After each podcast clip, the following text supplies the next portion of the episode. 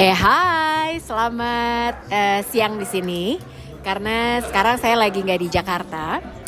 Sekarang gue ini lagi bersama, gue pernah menyebut namanya di podcast gue. Namanya Pepi Ahmad. Cie, itu nama radionya. Kalau di sini udah ganti nama jadi Sylvia Satari karena mbaknya udah menikah. Terus udah ganti profesi, bukan jadi penyiar juga. Dulu dia tuh penyiar radio di OS Bandung. Betul ya, Bu? Betul, betul. Ini suaranya lagi agak sedikit berbeda karena mbaknya lagi pilek gitu. Nah, jadi eh, Jeng Pepi ini dulu panggilannya adalah produser gue di Drive and Jive waktu siaran di Hard Rock dulu ya. Nah, jadi sekarang dia ini sudah hijrah. Wow, bukan bukan bukan hijrah yang itu, tapi hijrah dalam arti kata sesungguhnya yaitu pindah ke negara lain. Nah, topik kali ini adalah tentang bagaimana nasibnya menjadi TKI nggak TKI sih. Jadi dia ini udah tinggal di sebuah negara adik kuasa gila anak 80-an banget gue. Jadi gue tuh dulu suka mikir-mikir gitu. Gue inget satu masa waktu siaran di Hard Rock FM dulu. Jadi Pepi ini temen sholat gue J Lucy sholat kalau tiap kali kita sholat, biasanya perjalanan dari studio sampai ke uh, kamar mandi nih, toilet buat ngambil wudhu segala macam sampai ke musola itu selalu dipenuhi dengan curcol.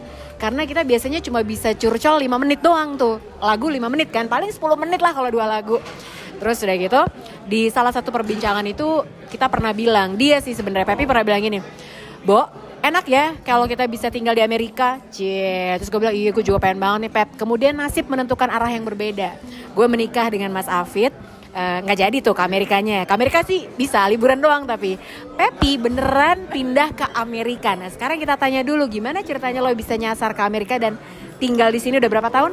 Uh, gue pindah ke sini 2013. 2013 gila udah enam tahun ya? Gila udah lama ya, Bu. Jadi kenapa tiba-tiba lo bisa ke sini sampai akhirnya menikah? Gimana ceritanya? Kalau pertanyaan ini gue akan selalu menyalahkan suami gue atau calon suami gue waktu itu. Iya, iya, iya, iya. Jadi waktu itu 2012 uh, gue ke sini backpacking gitu liburan. Terus gue ketemulah nih dengan seorang pria asal Bandung, lahiran Bandung, tapi udah lama di Amerika. Itu Di Bandung banget karena namanya Satari. Ari Satari, ya.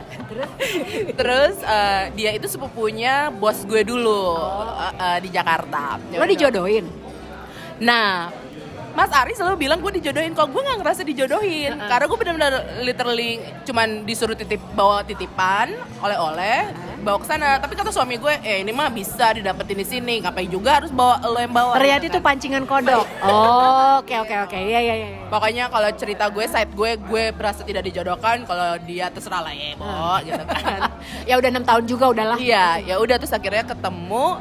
Terus ya udah sempat long distance. eh, Terus eh, tadi sih mau mau memilih untuk ini ya eh, bersama di luar eh, jalur pernikahan ya. Tentu tidak boleh ya kan secara maaf. Masya Allah. Pepi ini eh, Padang ya? Padang, emakku pakai kerudung ya kan. Aduh keluarga Padang jangan sampai Bisa nggak dianggap anak nggak boleh. Terus? durhaka ya kan. Nggak boleh akhirnya ya sudahlah ya. Oke, kita menikah. Oh oke. Nah eh, sebenarnya gini, lo pas mau pindah ke sini kan dulu kita suka hayal-hayal tukang cendol gitu ya. Gila enak banget ya kalau tinggal di Amerika ya. Kayaknya seru gitu kan. Dulu kita tuh ini penganut pengabdi Sex and the City.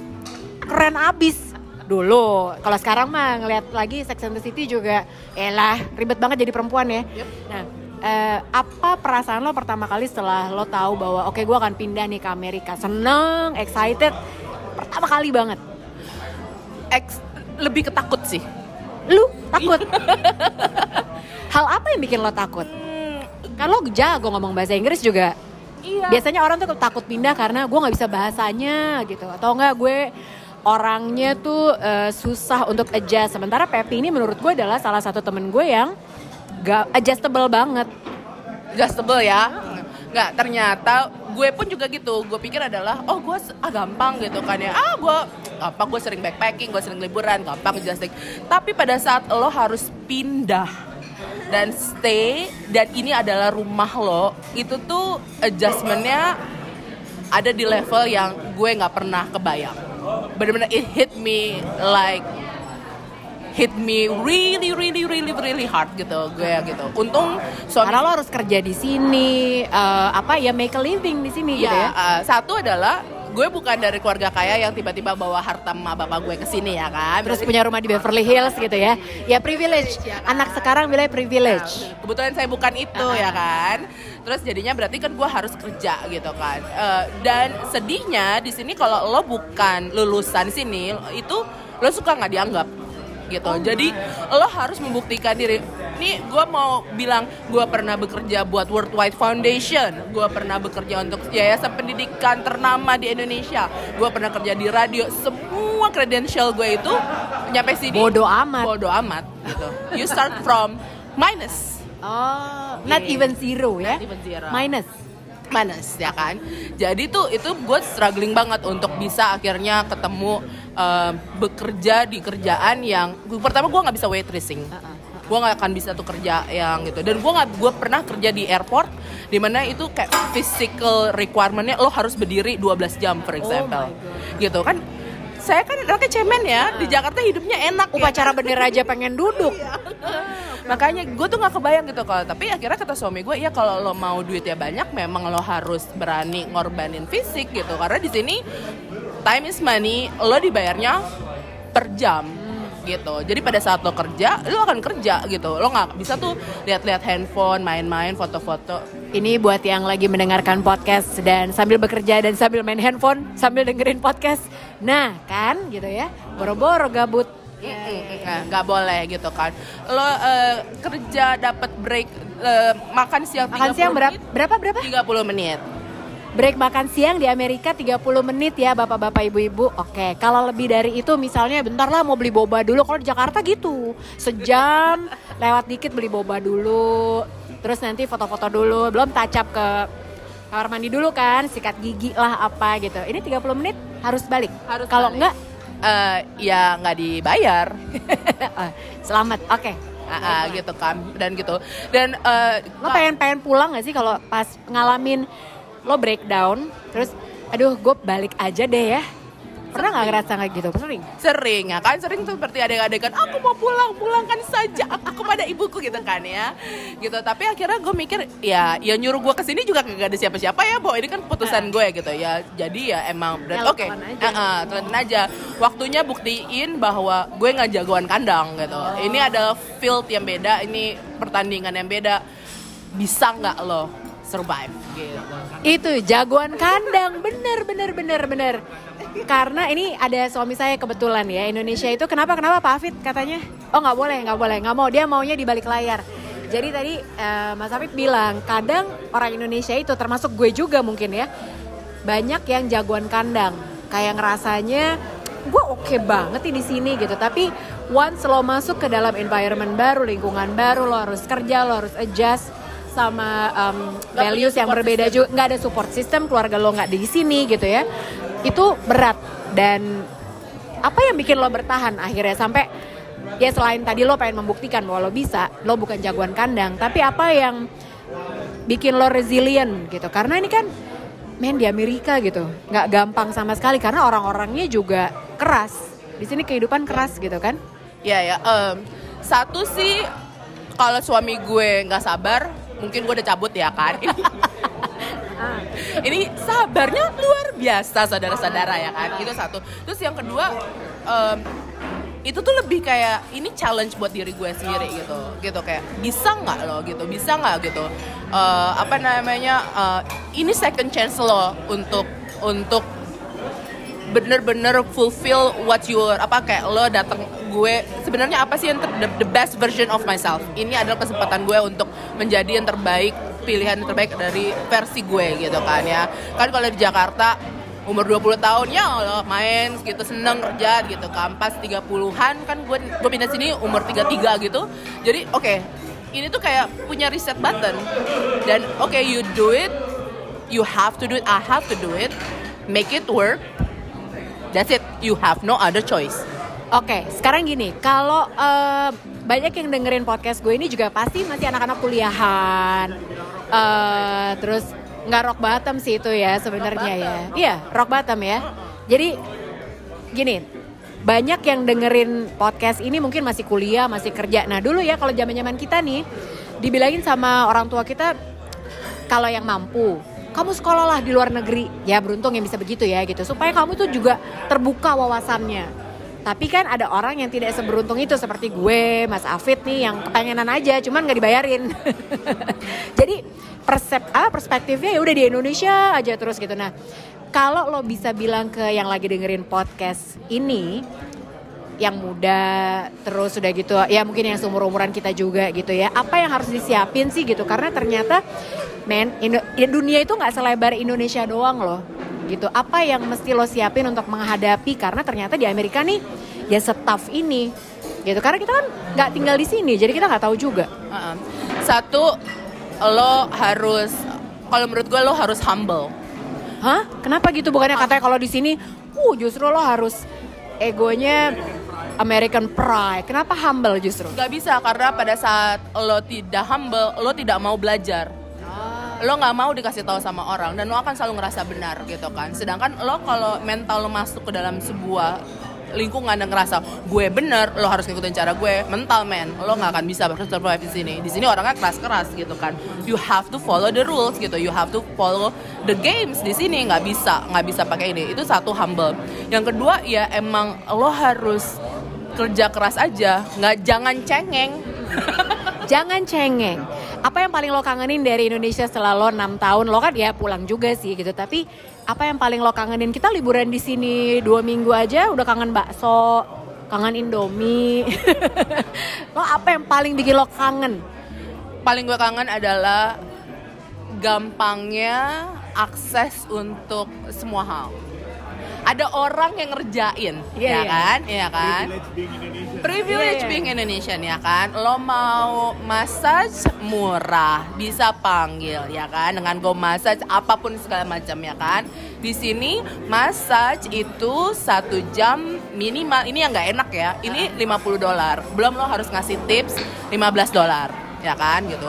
Gue potong rambut, potong rambut kok di Jakarta aja pulang. Karena di sini mahal di banget. sini mahal gitu. Oh itu mungkin palingnya perawatan kayaknya. Oh. Perawatan sebagai perempuan tuh gue kangen sekali. Ya ampun, makanya Bapak Afid jangan pernah komplain kalau saya pasang bulu mata, ya. Sering ke salon gitu, karena murah di sana. iya. Padahal mahal juga sih sekarang sebenarnya, nggak sering juga. Eh, kalau misalnya ya, eh, lo disuruh memilih gitu, ada nggak satu negara di dunia ini yang pengen lo cobain juga? Oke nih, ya. let's say you have conquered living in the states sekarang, pengen nggak? Seru juga ya ntar misalnya Mas Ari ditugaskan ke mana gitu, ini hayal-hayal cendol juga gitu. Lo pengen nyobain tinggal di mana? Eropa mungkin atau mana? Eh, satu gue mungkin mau nyobain tinggal di satu Singapura. Eh, kalau mau deket-deket Indonesia ya Singapura atau kemudian Australia or New Zealand.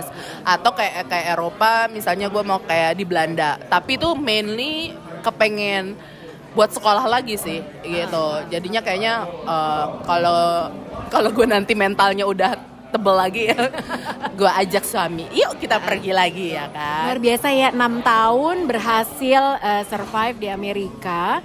Em, ada pesan-pesan mungkin nih buat yang mendengarkan yang generasi muda. Eh, enggak enggak, tapi gini. Gue kemarin apa? Iya nggak enak enaknya. Oh, enaknya. Bener, bener, bener. Enaknya apa ya? Iya ya. Kalau apaan? satu eh, oke karena gue sekolah lagi dan gue kerja lagi di sini. Satu adalah eh, gue seneng banget library public library di sini banyak. Jadi lo mau lo bisa baca iya lo bisa baca buku apa segala macam terus banyak public spaces gitu kayak park gitu. Kayak kemarin lo ke Huntington Library ya kan? cakep banget tuh ya kan? Terus langit biru gitu. Terus em, ternyata Bisa nih dibilang nggak sih quality of life di sini lebih baik daripada di Indonesia? Iya. Karena gue bisa memilih memilih hidup untuk fokus aja ke diri gue nggak ngurusin orang nggak nggak ada tenaga untuk ngurusin yang remeh-remeh atau drama-drama gitu. Jadi itu sih gue senangnya. Terus yang kedua kualitas hidup lebih bagus karena ya apa namanya lo makannya bagus gitu. Lo bisa pilihan organik dan lo tahu ini hasilnya dari mana gitu. Lo punya suara gitu. Dalam dalam penentuan pilihan apa pun dari yang mau mulai- masuk ke badan Iya. lo atau yang mau lo beli segala macam lo tahu pilihan itu apa. Iya. Jadi minusnya adalah ya lo harus kerja keras, mental lo juga benar-benar harus kuat, tapi plusnya adalah quality of life-nya emang luar biasa bagus sih di sini gitu ya. Ya, Oke. Nah, pertanyaannya nih, apa tanggapan lo melihat orang-orang Indonesia sekarang 6 tahun yang lalu sama sekarang beda loh? ya kan? Sekarang apa-apa uh, orang posting di sosial media. Nah, Pepi ini gue kemarin bilang sama Mas Safid, Pepi ini tinggal di LA tapi jarang banget postingnya. Kalau gue mah udah tiap hari kali, uh beli kopi di sini, jalan ke mana, berasa di luar negeri gitu kan. Nah, kalau lo tuh kenapa tidak begitu? Dan apa tanggapan lo ngelihat orang-orang Indonesia yang sekarang apa-apa tuh sosial media banget gitu. Nggak orang Indonesia doang sih, hampir semua gitu. But jadi Amerika juga gitu, tapi lo enggak loh. Satu adalah gue nggak punya waktu. Sibuk. Intinya gitu, gue nggak punya waktu sama nggak punya tenaga. Ya karena gue jual gue tidak mencari uang dari Instagram ya Iya, iya. gitu kan jadi ya gue makanya gue nggak ngerti tuh kenapa gue salut sih sama orang-orang yang punya waktu panjang Saya cari uang dari Instagram jadi jangan dimarahin iya, ya. iya, iya. Boleh ya? itu beda lagi gitu terus eh eh, apa ya itu aja sih gue Nah, ya lo emang gak ada waktu gitu ya. Ah, ah, gitu. Oh, gue nggak perlu ini ya gitu. Gue akan dengan bil- dengan gitu maaf ya ini mungkin terlihat cocky atau sombong gitu. Gue tidak perlu uh, ini- Membuktikan. membuktikan ada pengakuan secara sosial. Sedap. Jelup, jelup, jelup.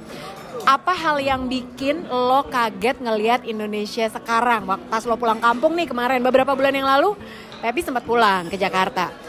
Ada nggak hal yang bikin lo, ih kok sekarang ternyata gini ya gitu? Ya meskipun baru enam tahun sih, enam tahun tuh relatively belum lama-lama banget lah gitu. Tapi ada nggak yang bikin lo kaget? Gue seneng MRT. Eh, terus kayak eh, apa kayak eh, kabinet sekarang, pemerintahan sekarang tuh emang kayak working toward something yang bisa kelihatan gitu kan. Gue seneng ngeliat kreatif industri Indonesia yang tinggi banget gitu kan. Entrepreneurship, kreatif tuh menurut gue ada, wah gue salut banget gitu.